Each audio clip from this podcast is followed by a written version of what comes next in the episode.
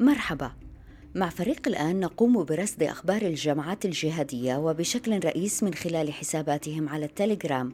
نرصد الأخبار ونحاول أن نضعها في إطارها. ماذا تعني اليوم؟ كيف ترتبط؟ بما كان أمس؟ وكيف ستؤثر في أحداث الغد؟ أنا نهاد الجريري أهلا بكم.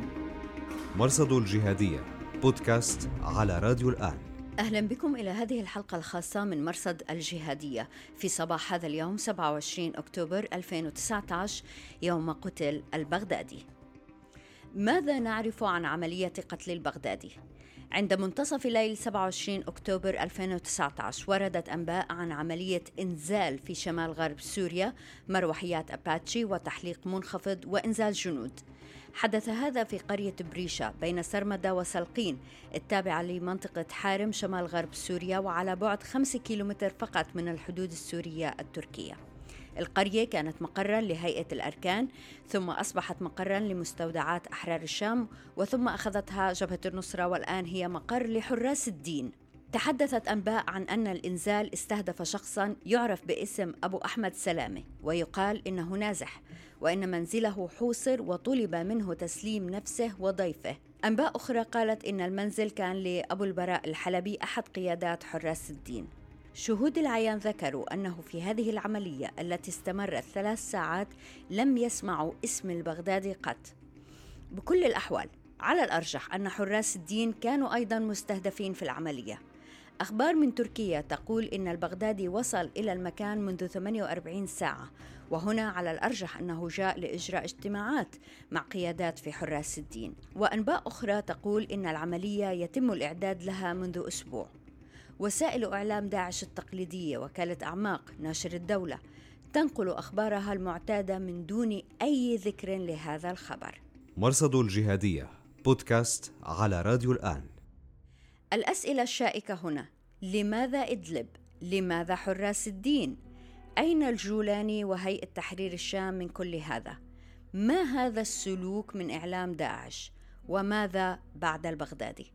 سألت خبيرين في الجامعات المتطرفة حسين أبو هنية ومروان شحادة مرصد الجهادية نسأل أولا عن أهمية إدلب سواء صح الخبر أم لا فالمهم في الأمر أن داعش لها حضور في إدلب وانتقل ثقلها إن صح التعبير من العراق إلى سوريا وإدلب تحديدا وهو أمر لم يكن متوقعا. مروان شحادة. المنطقة تعني كل التوقعات والأخبار المتداولة إعلاميا وأمنيا أنه أبو بكر البغدادي كان في صحراء الأنبار أو في صحراء سويدة ولكن أن يتواجد في منطقة ذات نفوذ من قبل هيئة تحرير الشام وحراس الدين وحلفاء تركيا وتركيا. هذا يدلل على أن أبو بكر البغدادي استغل أو استفاد من منطقة ميتة يستبعد أن يبحثوا عنها فيه فيها عنه.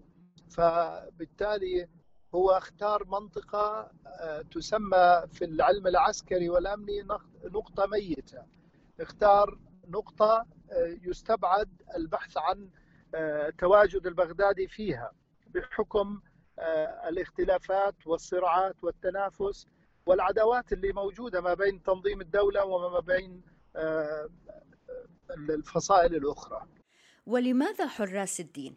الفرق الشاسع كما نعلم بين حراس الدين وداعش هؤلاء قاعدة وهؤلاء داعش أين التقى الجمعان؟ حسن أبو هنية بعتقد بأن هذا ربما يضيء على مسألة لطالما تحدثنا عنها وأنه رغم الخلافات الشديدة بين تنظيم القاعدة وتنظيم داعش الدولة الإسلامية لكن الروابط الشخصية والمشتركات الأيديولوجية لا تزال كبيرة وبالتالي وجود البغدادي في منطقة في إدلب في هذه المنطقة لدى شخص ينتمي لحراس الدين المرتبطة بالقاعدة يشير بأن هناك عملية نوع من التنسيق رغم وجود الخلافات لكن ليست أن الروابط الشخصية تلعب دور كبير وكذلك المشتركات الأيديولوجية. وبالتأكيد أن هذه المنطقة لم تكن بداية مرشحة كبيرة لوجود البغدادي كان هناك تقارير استخبارية تتحدث عن وجوده في العراق في صحراء الأنبار في بادية الشام في السويدة لكن كانت أضعف التوقعات أن تكون في هذه المنطقة. وبالتالي أعتقد وجوده لدى حراس الدين يشير إلى أن هذه الخلافات الأيديولوجية رغم وجودها لكنها المشتركات تبدو أكبر وأن الصلات الشخصية مهمة في تحديد مسارات هذه الجماعات. صلات شخصية مثل شو أستاذ أبو هنية خاصة أنه كمان هون أنه كان موجود معه زوجته وأطفاله فبالتالي يمكن هذا بيعزز نعم وجود هاي الصلات الشخصية. بس شو هي هاي الصلات الشخصية اللي بتخليه يأتي من من حيث كان إلى هذا المكان؟ إيه، أعتقد بأنه نعلم أن هذه الجماعات كلها كانت في بوتقة تعمل في إطار تنظيم القاعدة، كلها كانت تعمل بشكل مشترك، الآن كان يحدث هناك خلافات على السيطرة والنفوذ وعلى بعض القضايا الاستراتيجية، لكن لا يمكن أن تلغي هذه العلاقات، هذه دائما موجودة بين هذه الجماعات، وبالتالي أعتقد بانه وجود البغدادي في هذه المنطقة ربما كان غير غير متوقع وبالتالي كان يبحث هو عن مكان أكثر امانا وربما غير متوقع يعني لم يكن أحد يتخيل بأن يكون البغدادي ضيفا لدى شخص من تنظيم القاعدة أو حراس الدين وبالتالي آه هذه تشير إلى هذه التعقيدات في فهم الطبيعة السلفية الجهادية. دكتور مروان ماذا كان يفعل البغدادي عند حراس الدين؟ والله لا يمكن استبعاد آه، إنه آه، لا يمكن استبعاد إنه بعض قيادات حراس الدين وفي ظل عدم آه، نجاحهم في العمل بشكل آه، دقيق وموسع وبحرية في ظل سيطرة الجولاني على تنظيم حراس الدين ومنعه من أن يتصدروا الإعلام أو العمل العسكري والأمني آه، لا يمكن استبعاد أن يكون بعض أفراد حراس الدين أرادوا أن يذهبوا إلى تنظيم الدولة ربما يكون يعني هذا فرضية لا يمكن استبعادها في ظل التغيرات التي تشهدها الساحة العراقية والسورية وبقية مناطق العالم العربي الإسلامي. ولكن أنا قناعتي آه، رغم من آه، عدم استبعاد هذه الفرضية، قناعتي الشخصيه إنه كثير من القيادات من الممكن انه يكونوا على شكل فردي إنه شخص يذهب إلى تنظيم الدولة، أما أن يذهب تنظيم كامل ذا منهجية واستراتيجية عمل مختلفة وعداوة مع آه، تنظيم الدولة الإسلامية آه، هذا ما أستبعده. وأين الجولاني وهيئة تحرير الشام من كل هذا؟ المنطقة خاضعة لسيطرته بكل الأحوال. حسن أبو هنية. هذا أيضا ربما يكون سؤال مهم لأن هذه المنطقة رغم الحديث عن هيمنة وقوة هيئة تحرير الشام وسيطرتها الكبيرة على إدلب ووجود جهازها الامني وبالتالي من الواضح أن لا يوجد هناك سيطرة فعلية وأن هناك ثمة أماكن فراغات امني لا يستطيع السيطرة عليها وبالتالي الجولاني ربما الآن يصبح في موقف أكثر آه، حرجا بعد عملية شرق الفرات تحديدا مع بيت نبع السلام والانسحاب الأمريكي الجزئي.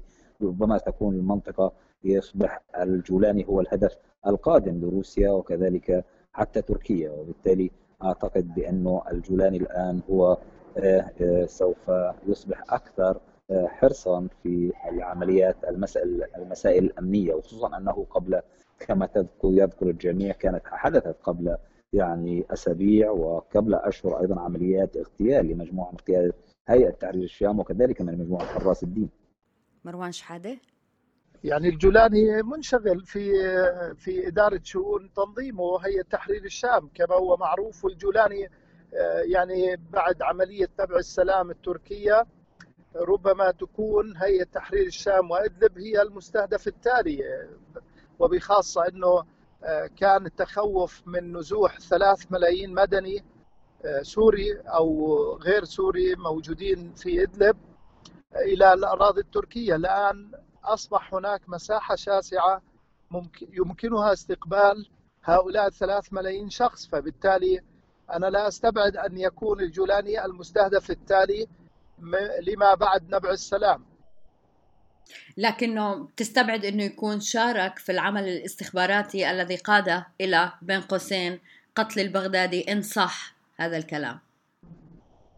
يعني إن صحت رواية آه، لا أظن إنه الجولاني بذاته ولكن لا أستبعد أيضا أن يكون أفراد متواجدين سواء داخل هيئة تحرير الشام على مستوى صغير يعني أو أفراد من سكان المنطقة، هناك فصائل كثيرة في هذه المنطقة من الجيش السوري الحر وهناك آه، الولايات المتحدة صرح بعض وسائل الإعلام الأمريكية بأنه آه، هناك دولة إقليمية ساعدت في العمل الاستخباراتي. فبالتالي هذا العمل الاستخباراتي ولم يتم تسمية هذه الدولة حفاظا عليها من عمليات انتقامية تقوم بها داعش.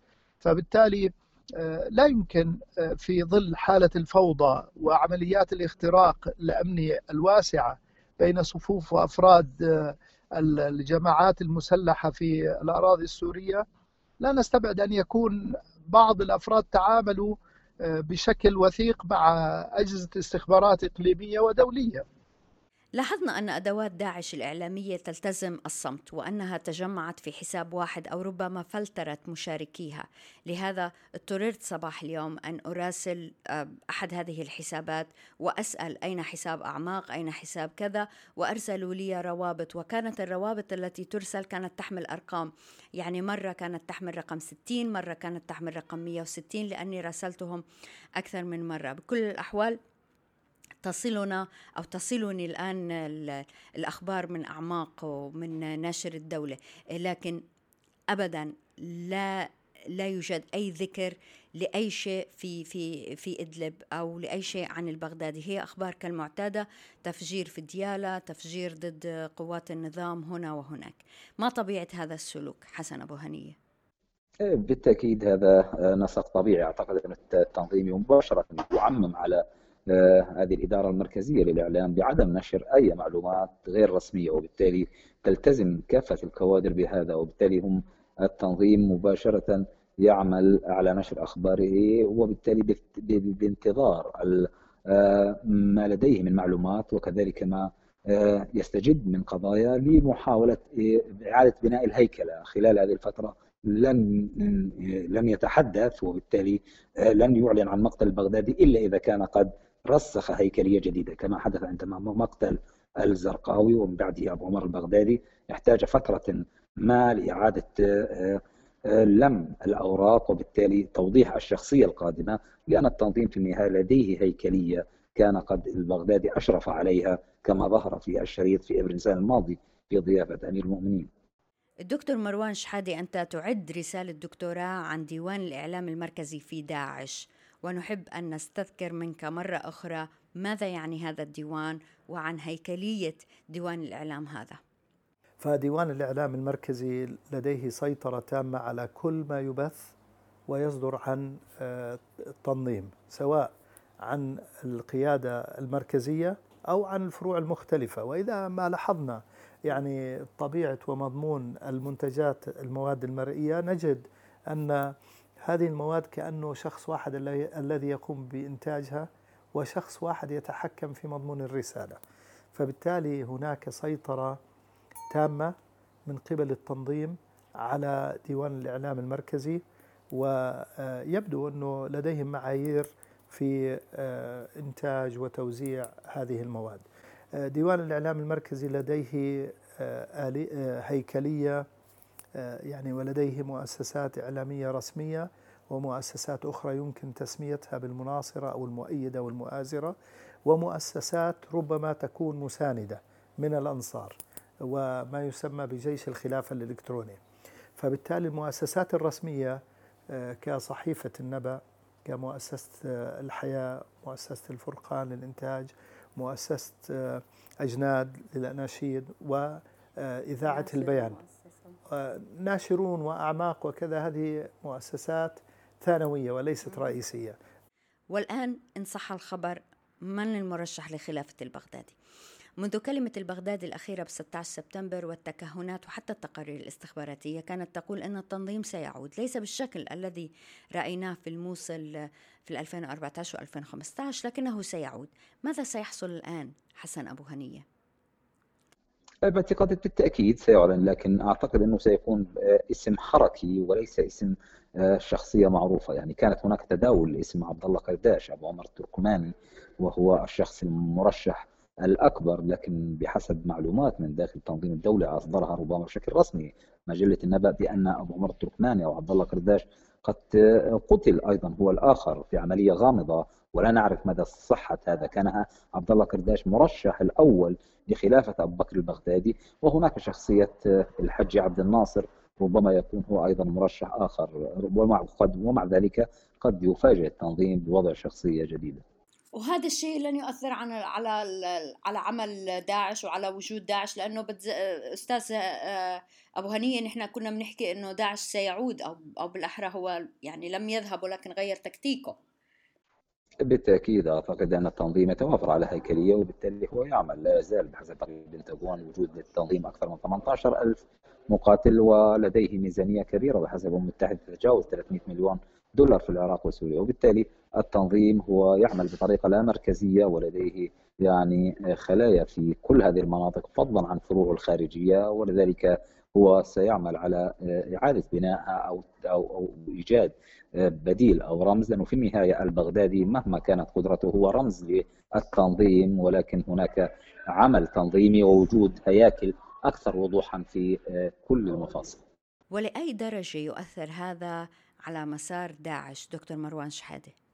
يعني أثبتت التجارب إنه مقتل أي زعيم لما يعرف بالسلفية الجهادية لا يؤثر على مسار هذه الجماعة آه، بشكل مباشر آه، ربما تتأثر لفترة محدودة. ولكن باعتقادي أن أبو بكر البغدادي وزعامة وقيادات تنظيم الدولة الإسلامية قاموا آه، بتأسيس اللجنة المفوضة وعين بعض نوابه ومساعديه أبو بكر البغدادي كحجي عبد الناصر وحجي قرقوش أو لا أدري ما, ما اسمه بالدقة آه، لأنه كل مرة يتناول الإعلام اسمه بطريقة مختلفة.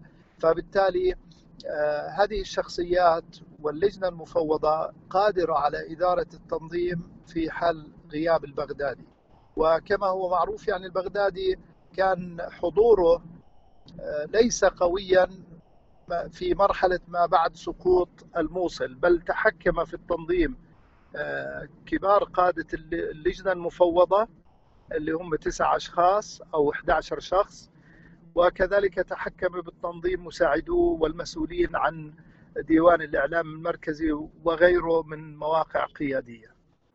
دكتور مروان شحادة والأستاذ حسن أبو هنية الخبيران في الجماعات الجهادية الجماعات المتطرفة. شكرا لكما آه، من عمان. إلى اللقاء. مرصد الجهاديه وشكرا لوجودكم معنا في راديو وتلفزيون الآن. أنا نهاد الجريري مع السلامة. مرصد الجهاديه بودكاست على راديو الآن.